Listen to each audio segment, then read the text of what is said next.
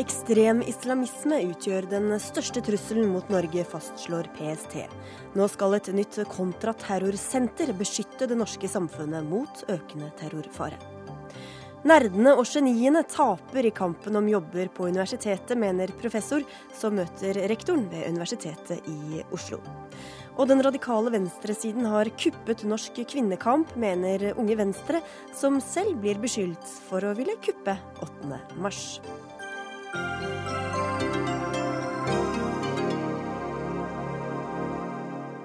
Slik lyder overskriftene i Dagsnytt 18 på P2 og NRK2 i dag. Jeg heter Sigrid Solund. Ekstreme islamister, høyreekstreme, ensomme ulver og teknologisk utvikling, det er noen av PSTs store bekymringer. I dag la Politiets sikkerhetstjeneste fram den årlige trusselvurderingen sin, for første gang sammen med Etterretningstjenesten og Nasjonal sikkerhetsmyndighet. Benedikte Bjørnland, sjef for eh, PST.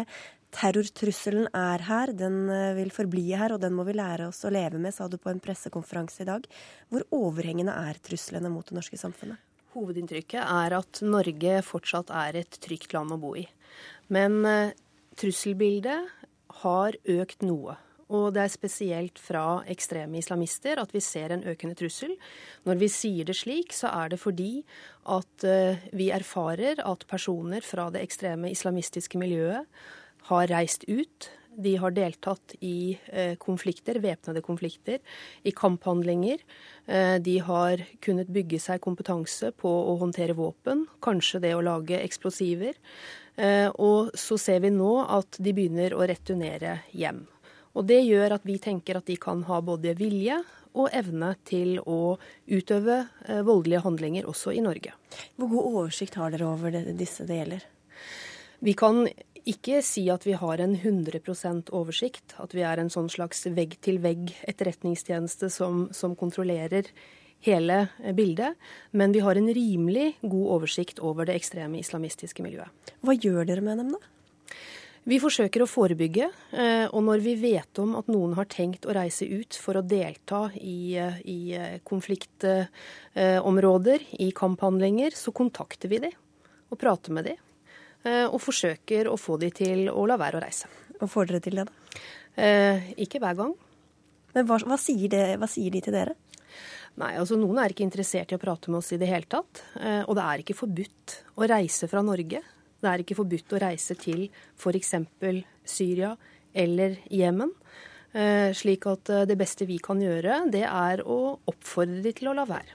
Hva tror dere er årsaken til at vi nå ser flere som blir eh, ekstreme islamister? Det drives aktiv rekruttering. Det er aktiv propagandavirksomhet som appellerer til enkelte, særlig unge mennesker med multietnisk bakgrunn. Gjennom hvilke kanaler da? Nei, Det er eh, ikke sånn at det er kun eh, innenfor ett enkelt miljø at dette skjer. Det kan skje via sosiale medier, det kan skje på internett, og det kan skje i sosiale sammenhenger. Og vi ser også at det er enkelte som aktivt selv oppsøker eh, miljøer man vet er radikale. Dere har også tidligere fått kritikk for å være for opptatt av de ekstreme islamistene og for lite opptatt av de høyreekstreme. Hvordan ser det bildet ut i dag?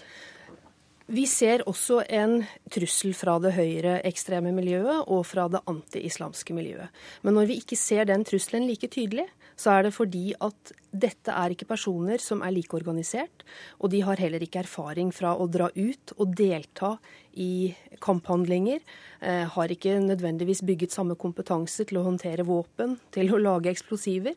Eh, sånn at eh, derfor er det vi ser den ekstreme islamistiske trusselen tydeligst. Vi skal komme tilbake til dem også litt senere i sendinga, men når det gjelder de høyreekstreme, hva slags fare utgjør de, og hva er de i stand til?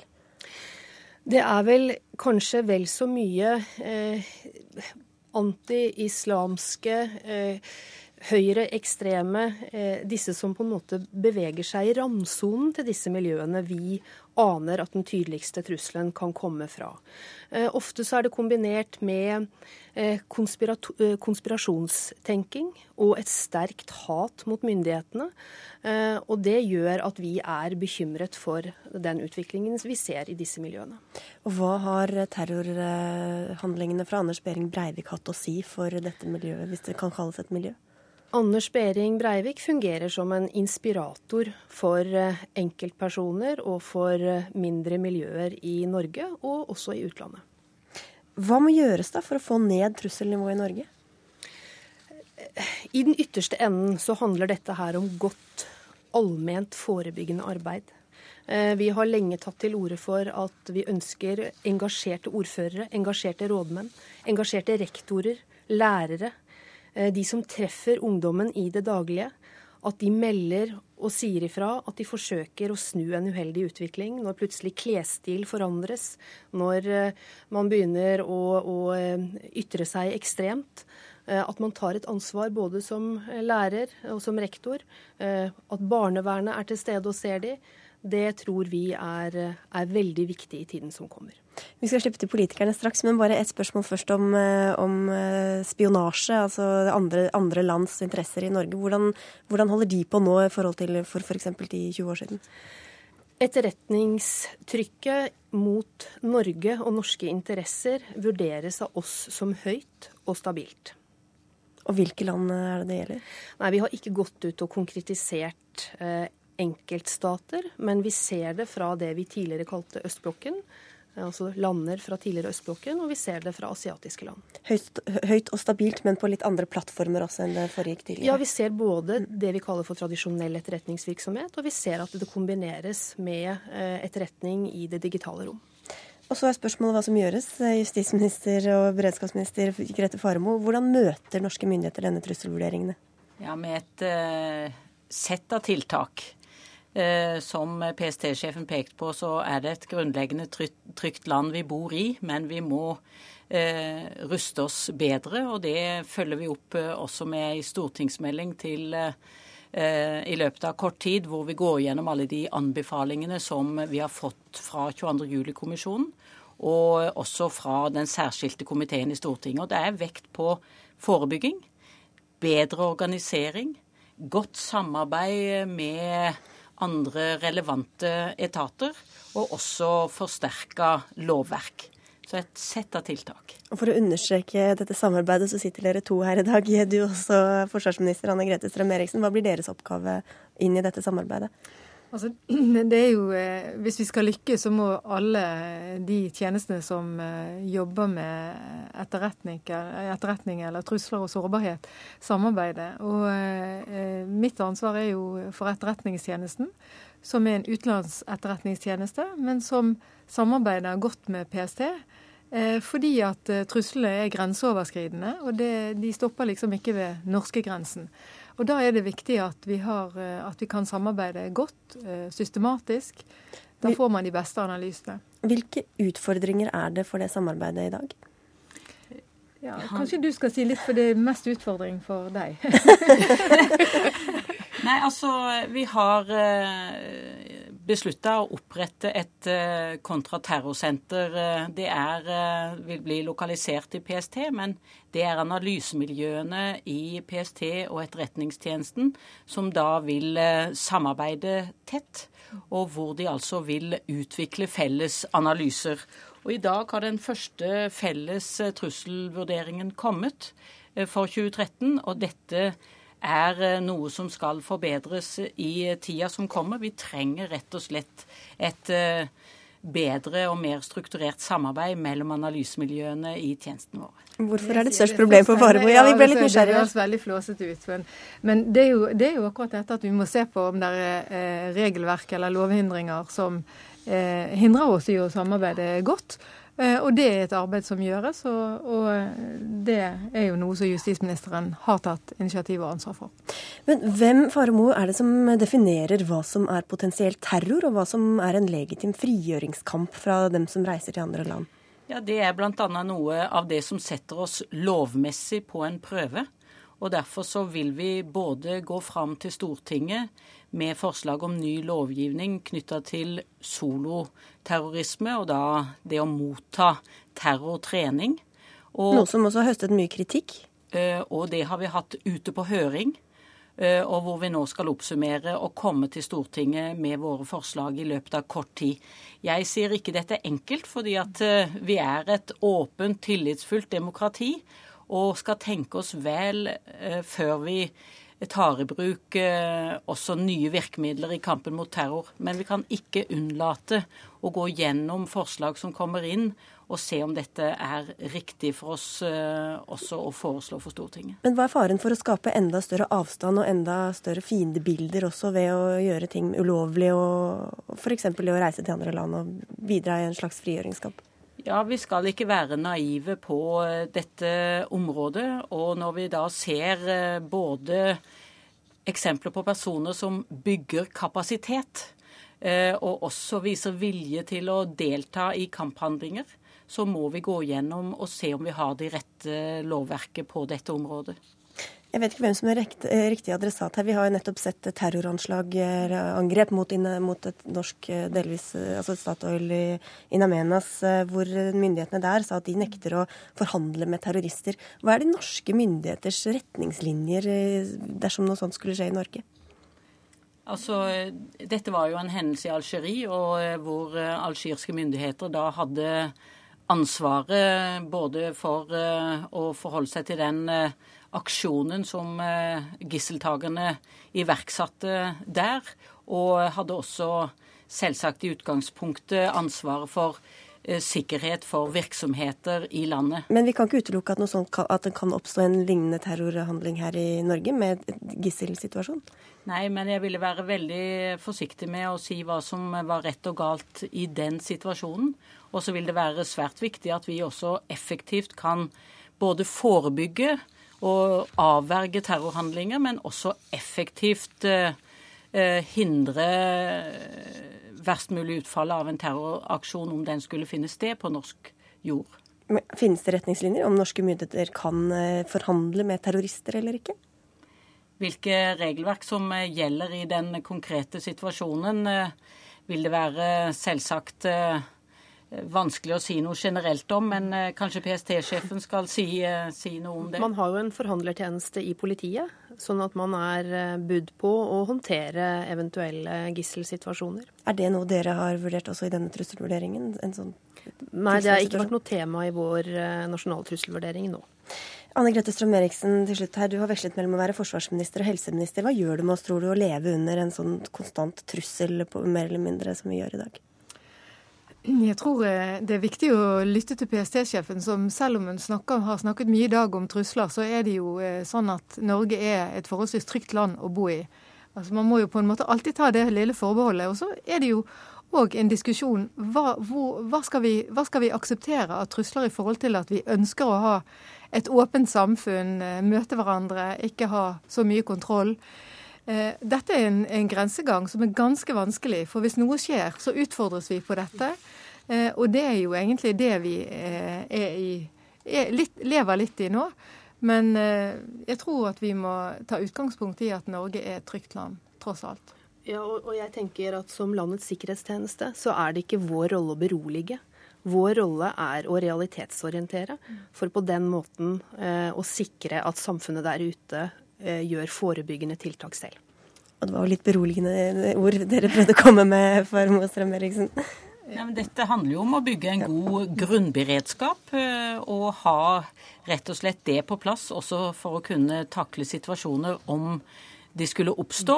Men vi må ikke glemme at uh, grunnleggende så er det et trygt og godt land. Takk skal dere ha, Grete Farmo og Benedikte Bjørnland. Anne Grete Strøm-Eriksen kommer tilbake om litt. Det var mange som fulgte fremleggelsen av trusselvurderingen med spenning i dag. Så også du, Anders Romarheim, forsker ved Institutt for forsvarsstudier. Hvordan ser du denne trusselvurderingen sammenlignet med de som har kommet tidligere i år? Nei, Det er selvfølgelig en del som er likt, men, eh, men det er en uh, tiltagende aktivitet som bekymrer uh, Politiets sikkerhetstjeneste. Spesielt med da de som reiser til kampsoner og får trening. Men de beskriver også miljøet her i Norge, da, som de reiser fra, som, som mer en større trussel enn, en det var tidligere. Men Det betyr ikke at det er en dramatisk hevning, men, men jeg leser det til å være en trend som i mild, eh, altså i mild styrke går litt feil retning. Og hva om noe skal vi bekymre oss for mest, eh, vi som bor i Norge? Ja, Terrorisme er et uh, fenomen som av natur prøver å få oss til å bekymre oss om det.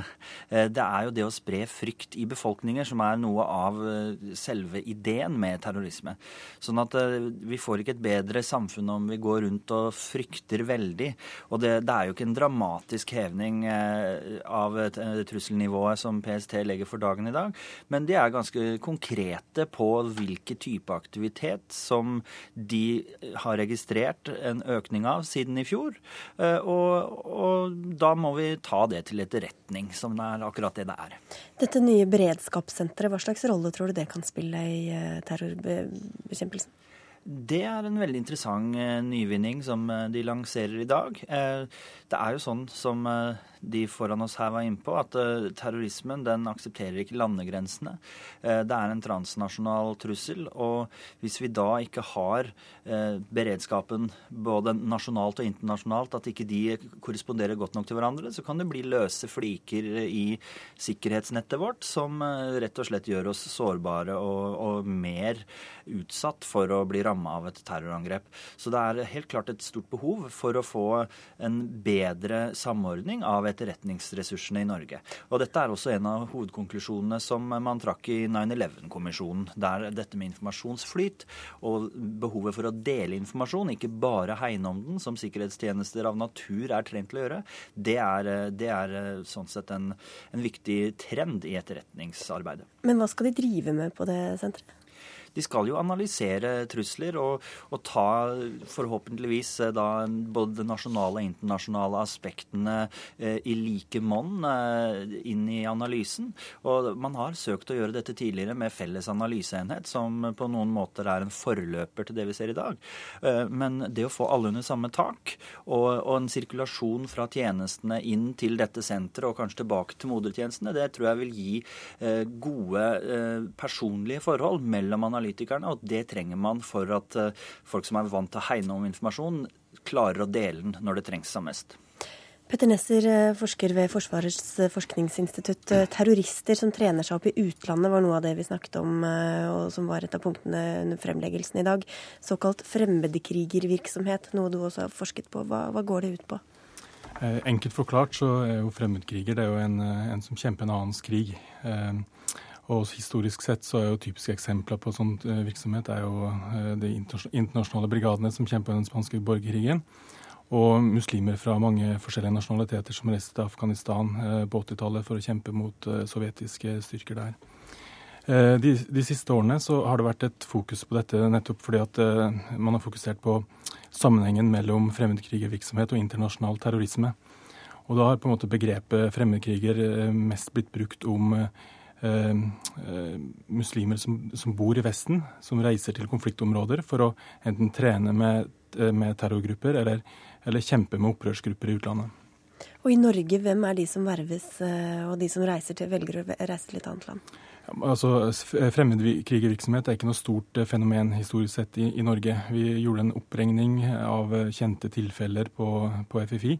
Eh, litt tilbake i tid, og så på personer som hadde reist til Irak, eh, personer som eh, har reist til Kaukasus osv.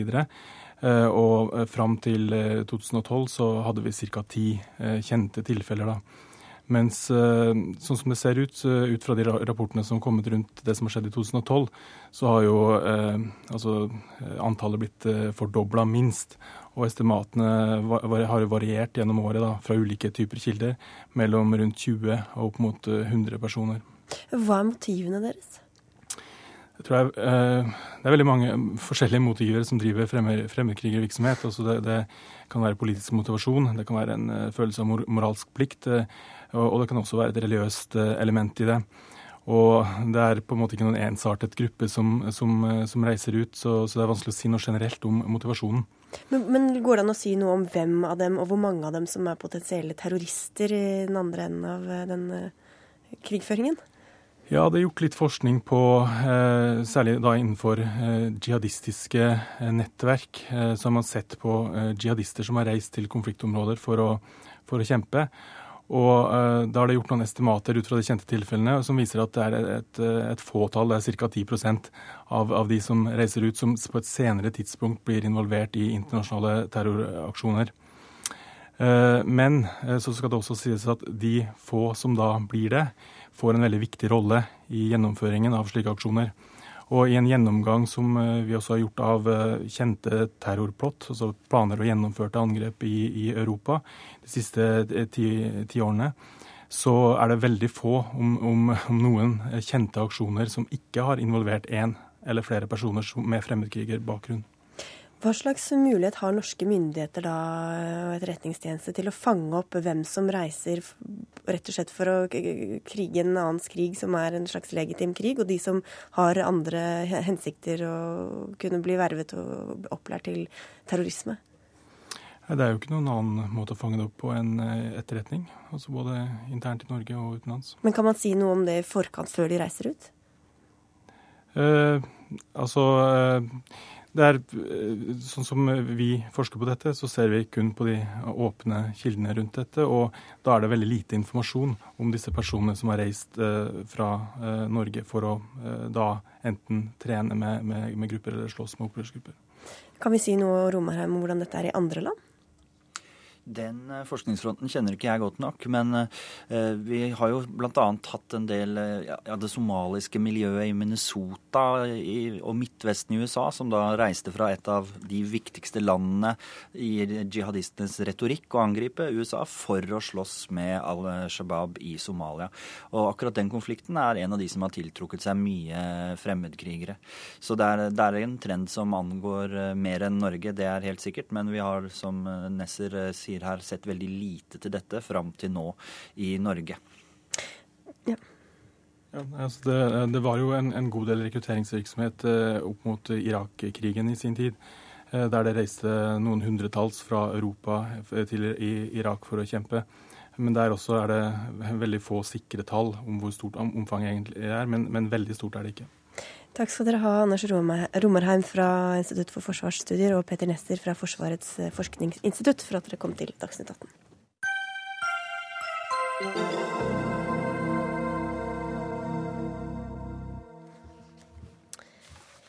Rundt 7 av eh, soldatene som har tjenestegjort i Afghanistan, sliter psykisk i eh, etterkant. Det viser Forsvarets Afghanistan-undersøkelse som ble lagt fram i dag. Undersøkelsen er den største siden 1990-tallet eh, og omfatter flere enn 7000 soldater. Psykiater Sverre Haugsnes, du er fungerende sjef for Kontor for psykiatri og stressmestring i Forsvarets sanitet, og du la fram rapporten i dag. Hvordan var resultatene i forhold til det du hadde sett for deg? Det viktige for meg å si, det er at vi i dag har tall som vi slipper å se for oss. Men vi har faktiske tall i forhold til hvordan veteranene selv opplever en del plager og problemer. Det er det viktige. Men i forhold til det du spør På den ene siden så er alle de personell som vi sender til Afghanistan, det er en godt selektert gruppe. En meget i forhold til fysisk helse, i forhold til psykisk helse, så er det en del av en plussgruppe. De er særdeles friske. På den annen side så er tjenesten som møter de i Afghanistan, kan være en veldig spesiell tjeneste. Eh, som også kan være veldig stressende og bringe personell opp i type opplevelser, episoder, som opplagt kan ha også psykiske konsekvenser. Så det er på den ene siden godt selekterte folk, samtidig spesielle belastninger, som gjør at denne gruppen blir spesiell. Vi hadde vel kanskje sett for oss tallene omtrent der vi havnet. På den ene siden møter vi personell og, som har vært i Afghanistan, som er friske, sunne, oppegående mennesker. Samtidig så møter vi til stadighet også mennesker som har fått et psykisk problem. Så hvis en kan ha begge de to tingene i hodet samtidig De aller fleste klarer seg bra, er friske og sunne, også psykisk sett. Samtidig som det er noen som av ofte gode grunner kan komme hjem og ha et problem, så tror vi er på rett vei. Ja, Det var omtrent 7% som altså sliter i etterkant. Eh, hva er det de sliter med da? Det er en rekke forskjellige ting. I utgangspunktet så har jo vi sett på psykisk helse, sånn som de svarte for noen måneder siden. altså på et tidspunkt i 2012, som da var gjennomsnittlig, fire år etter at de kom tilbake fra tjeneste i Afghanistan. Det som kanskje er viktig å huske på, er at noe er problematisk når de kommer hjem. Og veldig mange av de tingene som kan være vanskelig, og som personell kan slite med i den, den fasen, det er ting som er forståelig, og som vi kan forvente, og som på en måte er normale reaksjoner etter den måten som de har vært, måtte håndtere tjenesten og livet i Afghanistan på. Men så er det noe som vedvarer, og som er, kan være litt vrient for noen å omstille seg fra. Og komme tilbake til det vanlige livet i, i Norge. Og Veldig ofte er dette ting som er preget av at kroppen er litt aktivert, litt giret. Som gjør at noen kan slite med søvn. Noen er litt anspent, kan ha vanskelig med konsentrasjon. og noen tenker at det er like farlig å bevege seg på en vei i, Horena i, i Norge som det er i Afghanistan, og bli litt på vakt. Vi, vi, hører altså at det meste er positivt, eller de fleste går det bra med. Men hva er det du syns er mest bekymringsfullt av funnene dere har kommet frem til? Det er i og for seg ikke så mye som er bekymringsfullt, men det er viktig at en kan vite at dette å komme hjem fra sånn type tjeneste innebærer spesielle utfordringer for de aller fleste som kommer hjem, og at det er noen som da får problemer. Og Det viktige er at vi kan gi informasjon om dette, sånn at personene selv som får et eller annet problem, kan ta dette på ansvar og gjøre noe med det. Og at vi som system rundt de som måtte få et problem, har noe å stille opp med i forhold til hjelp. Ja, og Da er det deg, din tur igjen, forsvarsminister Anne Grete Strøm-Eriksen. Hva gjør dere for å hjelpe dem som da ender opp med å ha problemer? Altså, vi har jo jobbet mye nå, med, eh, også i Forsvarets sanitet, med å få ut eh, både kompetanse eh, og et hjelpeapparat som Målsettingen er skal hjelpe eh, soldatene eller veteranene der hvor de bor. Eh, bare det å få ut kunnskap til fastleger, det er jo noe som har vært jobbet mye med. Vi må ha behandlingstilbud der hvor det trengs. Men så ser vi jo også det at hvis vi sammenligner tallene, da, bare ser på tallene, så avviker ikke veterangruppen veldig mye fra befolkningen generelt. Og det er viktig å, å ha med seg i bakhodet. Men, noen, men de lidelsene de har, eh, er jo ofte eh, Altså de er jo annerledes kanskje enn det som andre har, og de har andre opplevelser. Eh, og det er viktig at eh, hjelpeapparatet får, får kunnskap og kompetanse om. Ine Eriksen Søreide fra Høyre, du er leder av Stortingets utenriks- og forsvarskomité, og du har vært bekymret for denne gruppa flere ganger. Hvor beroliget er du etter å ha lest dagens rapport? Det er prisverdig at informasjonen kommer fram, og jeg har lyst til å gi eh, regjeringa også ros for mye av det veteranarbeidet som har vært gjort nettopp for å frambringe den informasjonen som kommer nå. Eh, og så kan man jo si at 7% er et eh, lite tall, og at de aller fleste heldigvis kommer tilbake både med gode erfaringer, og mange føler jo også at de har en styrka psykisk helse når de kommer tilbake, og det er jo veldig, veldig fint å høre. Samtidig så er det for de 500 det gjelder, en alvorlig belastning for dem sjøl, for familien, og mange av dem har jo livet sitt på vent i påvente av videre hjelp i særlig det sivile hjelpeapparatet. Og det er en problemstilling jeg har lufta flere ganger, rett og slett fordi mange føler at de møter veggen og nærmest har en tøffere kamp i møte mot Nav og Statens pensjonskasse og, og spesialisthelsetjenesten særlig. Så egentlig skulle jeg ønske at helseministeren også satt her, fordi at det, det er et veldig viktig grensesnitt for mange. Så er det klart at det jeg håper man kan bruke den undersøkelsen her og tilsvarende undersøkelser til, er at man lærer av de feilene man gjorde med Libanon- og Kosovo-veteranene. Mange av dem har slitt veldig tungt, og det kommer mange år etterpå.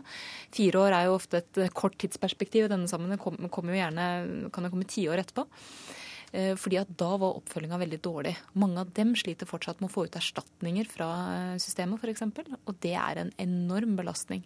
Så det at man nå veit mer om situasjonen, må man også bruke til å ikke gjøre tilsvarende tabber i framtida.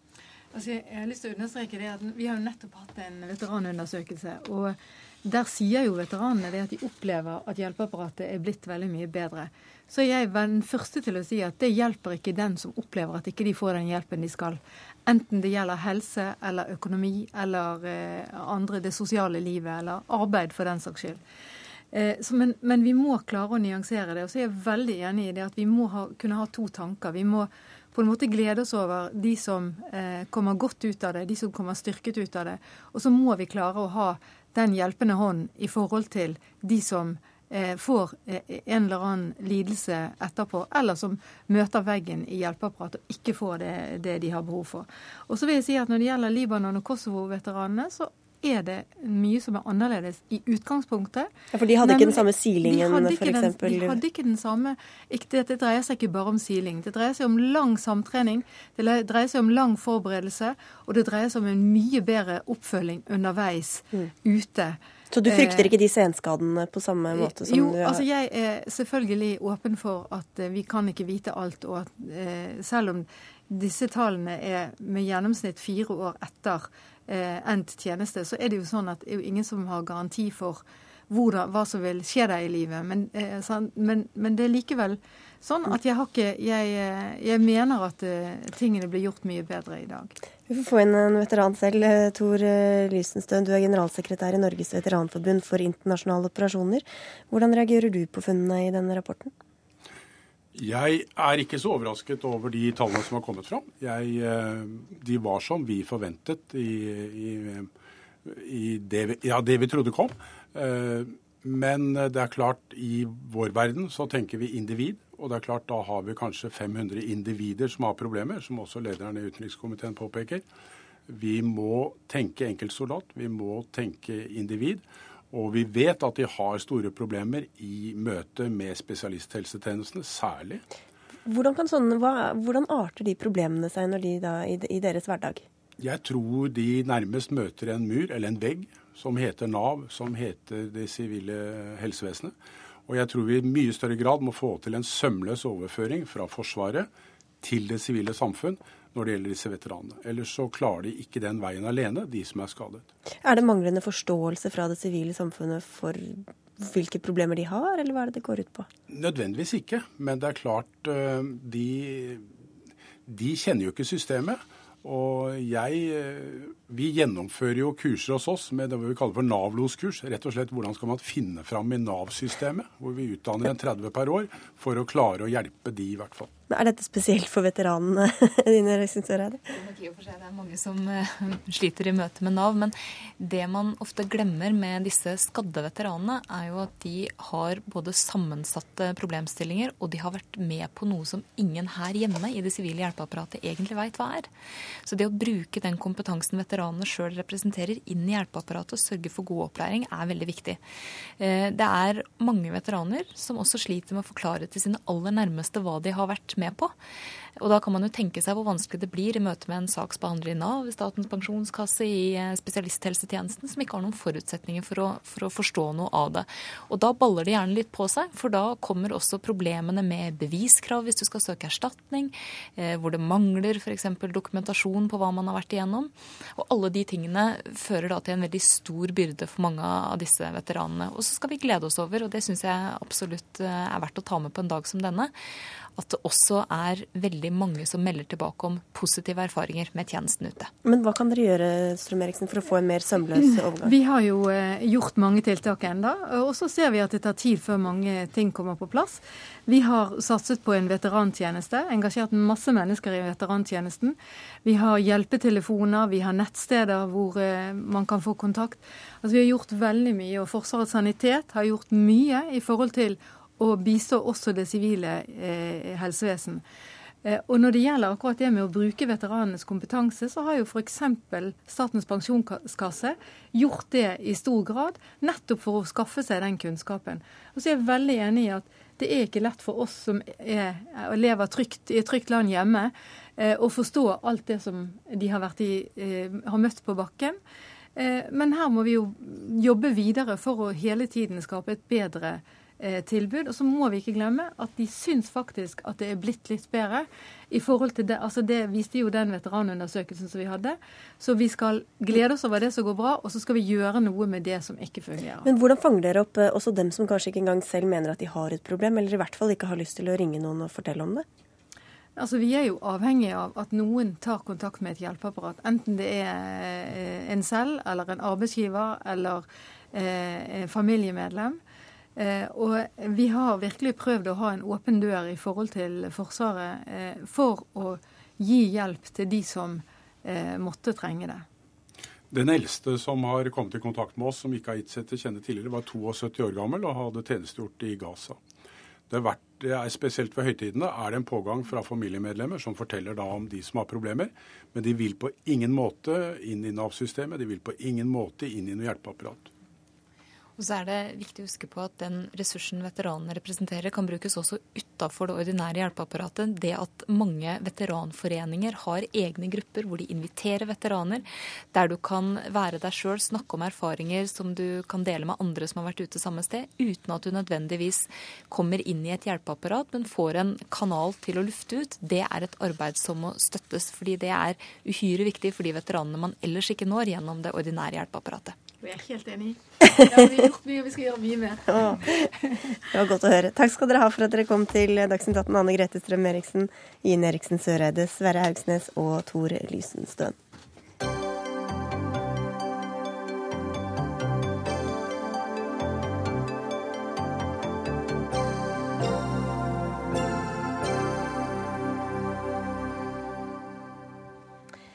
Det å få seg en jobb på universitetet blir eh, stadig vanskeligere for nerdene og geniene. For nå teller trynefaktor mer enn faglig kompetanse, sier du til Dagens Næringsliv i dag, professor ved Universitetet i Oslo, Christian Gundersen. Hvordan forklarer du det? Det er jo skjedd noe både med ansettelsesprosessene og, og, kriteriene. og Det som har skjedd med ansettelsesprosessene, og det gjelder både professorer og instituttledere og sånn, er jo at de er blitt mye mer lukket. Og lukketheten i seg selv gjør at de er lettere å manipulere. Eh, og det tror jeg er et problem. Det andre som har skjedd, er jo at eh, det er kommet inn så mange andre og, mye mer subjektive vurderinger enn det rent faglige. Eh, personlig egnethet, og, som ofte vurderes i lukkede intervjurunder. Og Hvis man syns faglige kvalifikasjoner er subjektivt, så er i hvert fall personlig egnethet subjektivt. Og hvis man ser historisk på det, så var jo kanskje samtlige av de nobelprisvinnere vi har hatt ved Universitetet i Oslo, de var jo ikke helt lette, tror jeg, noen av dem. Og jeg tror ikke noen av de hadde fått jobb i dag. Jeg. Hvem er det som får jobb i dag, da? Jeg tror det er de liksom uunnværlige flinke, som Nordahl Grieg sier. Eh, Kanskje ikke de aller beste, kanskje ikke nerdene, kanskje ikke de mest kreative, men de som tilpasser seg systemet. Vi har jo også et forskningssystem nå som handler mer om å, å skaffe bevilgninger fra Forskningsrådet enn å ha de beste ideene, tror jeg. Det er jo veldig programmert og styrt, og det er jo et annet problem da enn kanskje det vi skal snakke om her. Men har du inntrykk av at dette er et, en ønsket utvikling, også fra f.eks. fra ledelsen? Jeg tror det har noe å gjøre med at vi har alminneliggjør universitetet. Vi prøver, det har vært krefter som har villet gjøre det likere andre deler av samfunnet, og da har vi ikke beholdt noen av de særdagene som jeg tror var viktig eh, for å opprettholde den kulturen vi burde ha, nemlig å ta vare på nerdene og geniene, som er det burde være liksom burde være disse menneskers så å si arena, burde være universitetet, og det tror jeg samfunnet vil tjene på. Hvor mange nerder og genier har du ansatt eh, de siste årene, Ole Peter Ja, Vi mener jo selv at det er utrolig høyt eh, under taket ved vårt universitet. Og eh, jeg er jo helt enig med Christian. Vi trenger nerdene og geniene, de som tenker originalt. Og gjerne de som er veldig, veldig fokusert akkurat på sitt fag. Så, så der er vi helt enige. Jeg kjenner meg dog ikke helt igjen i situasjonsbeskrivelsen. Eh, vi mener jo nå at eh, vi har et universitet hvor eh, vi har åpenhet, og økende åpenhet, rundt ansettelser. Vi har nedsatt en tenketank for et par år siden, og konklusjonen der var jo veldig, veldig klar. At den åpenheten vi har i dag, den, den er viktig, og den må vi faktisk styrke. Og Situasjonen er jo nå at vi har mer offentlighet rundt innstillingene fra de sakkyndige komiteene ved de fleste av våre fakulteter. og Det må vi fortsatt ha, og vi må bli kanskje enda flinkere på å være åpne. Altså, jeg blir jo stadig fortalt at disse innstillingene er hemmelige, og ganske særlig når det gjelder da instituttlederansettelser, som også er faglige stillinger, slik jeg ser det. Så er det helt lukkede prosesser, og det er helt umulig å få en diskusjon rundt omkring på instituttene om hvem vi skal ansette. Veldig uheldig. Og, og, For du antyder også at det kan legge noe kameraderi bak en ja, del av altså det, det at ting er lukket, det åpner jo nettopp for sånne ting. Og, og det er klart at uh, Eh, universitetene er jo så å si følsomme for at folk gjerne ansetter sine egne elever, f.eks. Det er et menneskelig trekk. Eh, men for å motvirke dette, som en motgift mot dette, så må vi ha åpenhet. Og eh, hvis Ole Petter Ottersen nå kan på en måte love at Universitetet i Oslo vil gjøre alle faglige innstillinger, inkludert ved lederansettelser, alle intervjuer, alt offentlig, så er jeg fornøyd. Da tror jeg vi har gjort mye. Men kan du love det?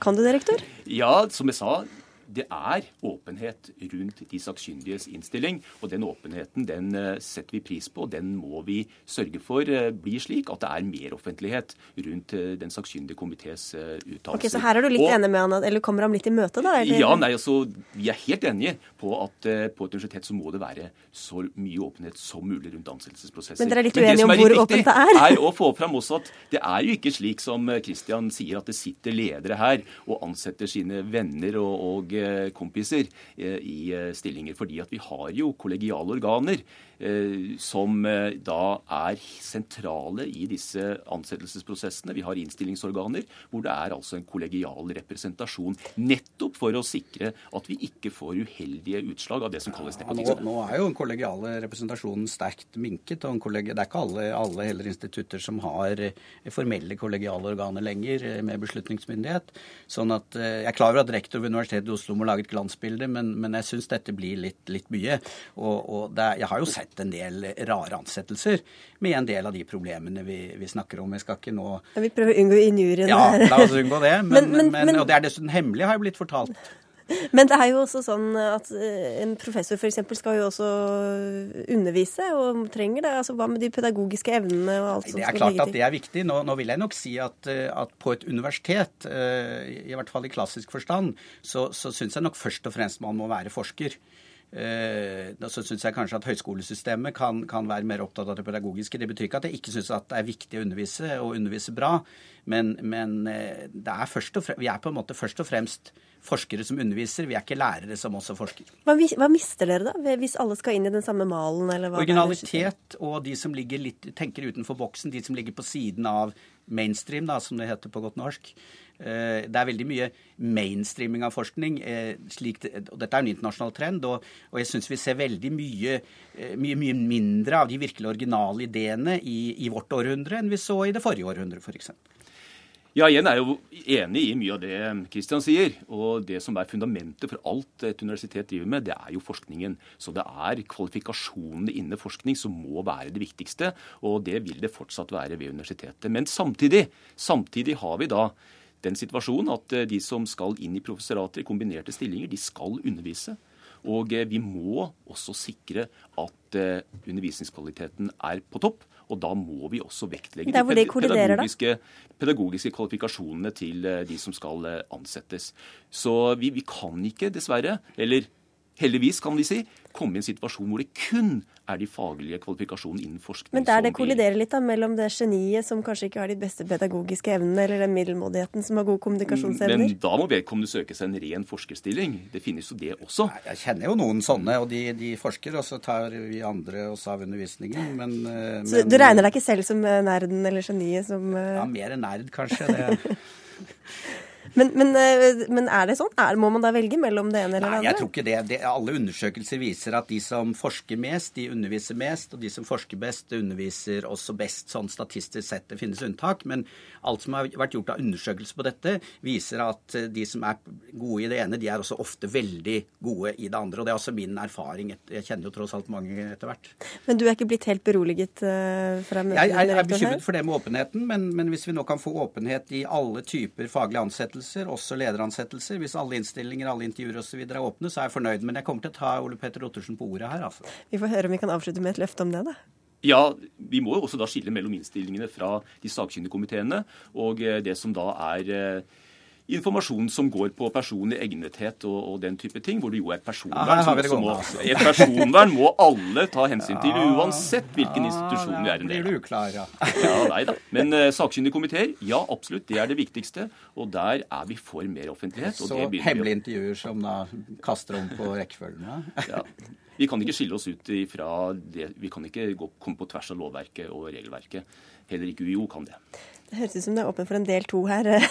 ja, da tror jeg vi forandrer, for forandre regelverket. Det, det, går jo an, det.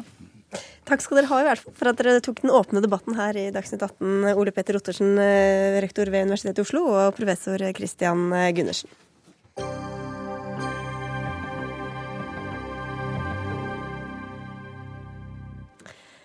Twitter-meldingen som har fått det venezuelanske folket til å ta til gatene med jubelrop, lyder som følger. Vi har ankommet Venezuela. Takk Gud, takk mitt elskede folk. Vi fortsetter behandlingen eh, her.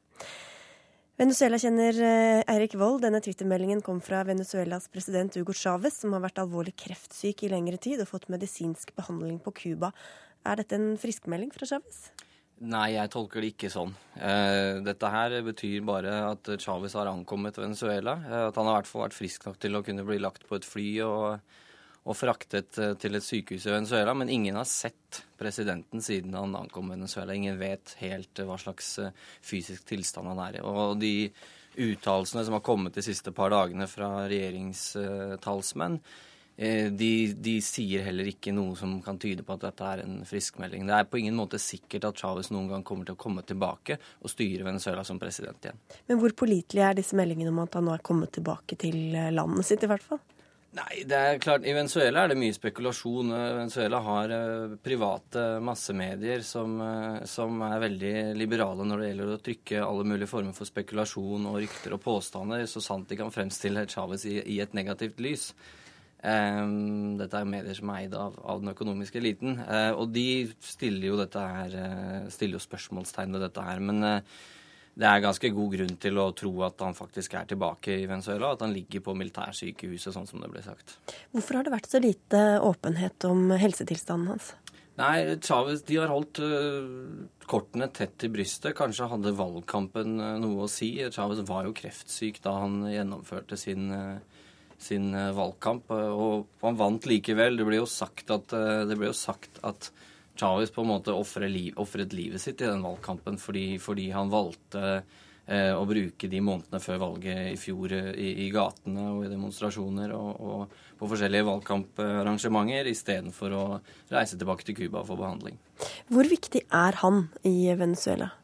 Chávez er ekstremt viktig. Dette her er et land hvor, hvor venstresiden lå fullstendig nede og, og, ikke hadde noen stor politisk oppslutning eller noen store bevegelser av noe slag før Chávez kom til makten. Og de avhenger sterkt av hans, eh, hans politiske talent, som, som, utvilsomt både om du spør hans motstandere og hans tilhengere, så er det en ting det ikke er tvil om, og det er at Chávez' politiske talent er unikt, også i en internasjonal sammenheng.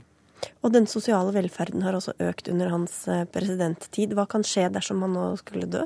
FN-statistikken sier at uh, fattigdommen er redusert med 50 ekstrem fattigdom er redusert med 70% og at levekårsforskjellene er historisk redusert. Venezuela var et land som var på vei til å få levekårsforskjeller på størrelse med Sør-Afrika under apartheid. Uh, men og det er klart at det er på ingen måte sikkert at hans sosialistparti vil klare å, å holde på makten uten Chávez. Men det som er sikkert, er at det, det store folkeflertallet som, har, som levde under, under, nærmest groteske levekår til å være et, et sånt oljeland, har blitt kravstore. Altså 14 år hvor Chávez har banket inn budskapet om at de fattige fortjener velferd. De rike kan ikke sitte på, på disse ekstreme privilegiene i all evighet det budskapet har kommet gjennom. Så nå har du et, et folkeflertall som er, som er, kravstore. Og det gjenspeiler seg også i retorikken til Venezuelas høyreside, som er gått gjennom en radikal forandring de siste årene, som nå henvender seg i mye større grad til de fattige enn hva de gjorde før Chávez kom til makten. Hva tror du de hopper på nå, da? Nei, de, Det er jo åpenbart at eh, et, et politisk landskap uten Hugo Chávez eh, gir eh, langt større muligheter for at den gamle politiske eliten og den gamle økonomiske eliten kommer tilbake og får, og får eh, styringen over Venezuela igjen. Hvor viktig er Chávez eh, også utover Venezuela, altså for hele Sør-Amerika-kontinentet? Internasjonalt. Når da Ecuadors venstresidepresident vant valget i går, så dedikerte han sin seier til Chávez, og det var nok ikke tilfeldig.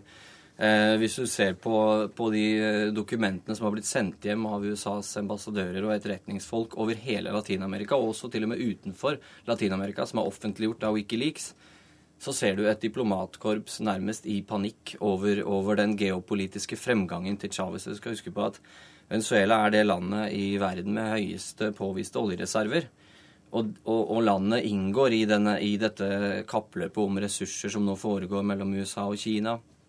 Chávez har styrt disse oljeressursene. Eh, han har gjort ganske nøyaktig det motsatte av det USAs maktelite har gitt eksplisitt uttrykk for at de ønsker. Han har brukt disse pengene på å samle Latin-Amerika. Og, og, det disse Wikileaks-dokumentene sier, er det de forteller om, er et USA som har mistet hele sin viktigste politiske bakgård, som de styrte litt på samme måte som Sovjetunionen styrte i, i Øst-Europa under den kalde krigen. Så da er det vel grunn til at også den amerikanske presidenten følger spent med på utviklingen her? Helt klart. Obama har hatt en mindre aggressiv rolle mot, uh, mot uh, Latin-Amerikas venstreside enn hans forgjenger Bush, noe han også har blitt kritisert for av uh, særlig nykonservative såkalte haukemiljøet i, i Washington. Jeg bare spørre, Hvorfor dro han egentlig til Cuba for å få behandling?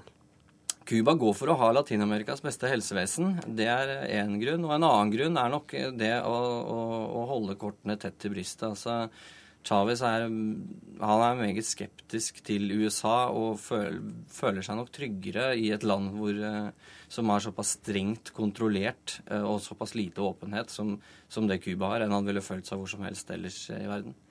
Så da er det grunn til å tro at de neste dagene vil bli fulgt uh, nøye med, ikke bare fra Dagsnytt 18-studio, men fra mange land eh, rundt om Helt i verden. Helt klart. Verdens øyne er i Caracas nå. Takk skal du ha for at du kom til Dagsnytt 18, eh, frilansjournalist og Venezuela-kjenner Eirik Wold. Hør Dagsnytt 18 når du vil, på nettradio eller som podkast. nrk.no – dagsnytt 18.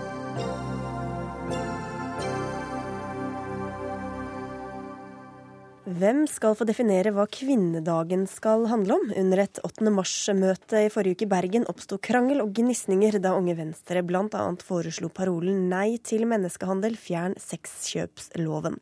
Leder for Unge Venstre, Sveinung Rotevatn, du var ikke til stede der selv, men hva har andre Unge Venstre-folk fortalt deg om hva som skjedde på møtet?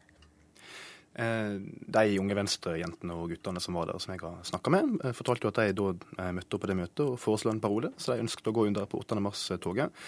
Den ble jo da avvist, og i tillegg så ble det jo ropt mye ukvemsord etter dem, og de ble på en måte beskyldt for det ene og det andre, ble bedt om å gå hjem igjen og, og grine, og fortalte at de ikke hadde noe der å gjøre.